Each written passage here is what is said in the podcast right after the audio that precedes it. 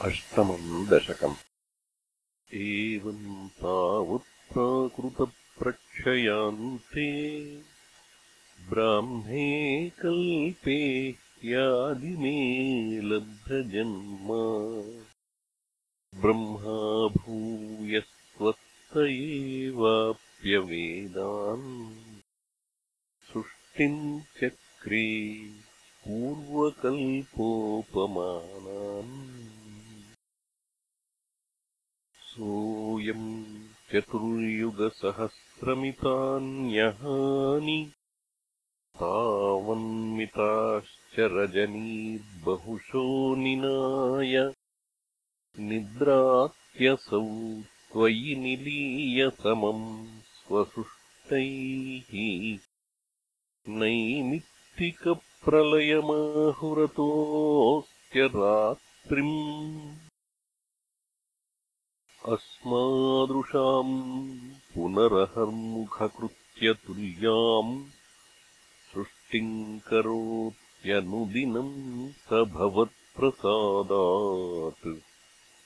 प्राग्ब्राह्मकल्पजनुषाम् च परायुषाम् तु सुप्तप्रबोधनसमास्ति तदापि सृष्टिः पञ्चाशदब्दमधुना स्ववयोर्धरूपम् एकम् पदार्धमतिवृत्य हि वर्तते सौ। तत्रान्त्यरात्रिजनितान् कथयामि भूमन्। पश्चाद्दिनावतरणे च भवद्विलासान् दिनावसानेऽथ सरोजयोनिः सुषुप्तिकामस्त्वयि सन्निलिल्ये। जजन्ति च त्वज्जठरम् समीयुस्तदेदमेकार्णवमास विश्वम् तवैव वेशे फणिराजिशेषे जलैकशेषे भुवने श्मशेषे आनन्दसान्द्रानुभवस्वरूपः स्वयोगनिद्रापरिमुद्रितात्मा। कालाख्यशक्तिम् प्रलयावसाने प्रबोधयेत्यदिशताखिलादौ त्वया प्रसुप्तम् परिसुप्तशक्तिव्रजेन तत्राखिलजीवधाम्ना।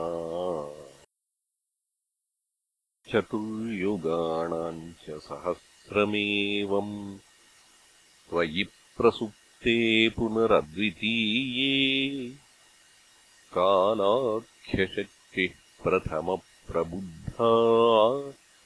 प्राबोधयत् किल विश्वनाथ। विबुध्य च त्वम् जलगर्भशायिन्। विलोक्यलोकानखिलान् प्रलीनान्। तेष्वेव सूक्ष्मात्मतया निजान्तस्थितेषु विश्वेषु ददाथ दृष्टिम् ततस्त्वदीयादयि नाभिरन्ध्रादुदञ्चितम् किञ्चन दिव्यपद्मम् निलीननिश्चेषपदार्थमाला सङ्क्षेपरूपम् मुकुलायमानम् तदेतदम्भोरुहकुड्मलम् ते कळेवरात्तोयपथे प्ररूढम् बहिर्निरीतम् परितस्फुरद्भिः स्वधामभिर्ध्वान्तमलम् न्यकृन्तत्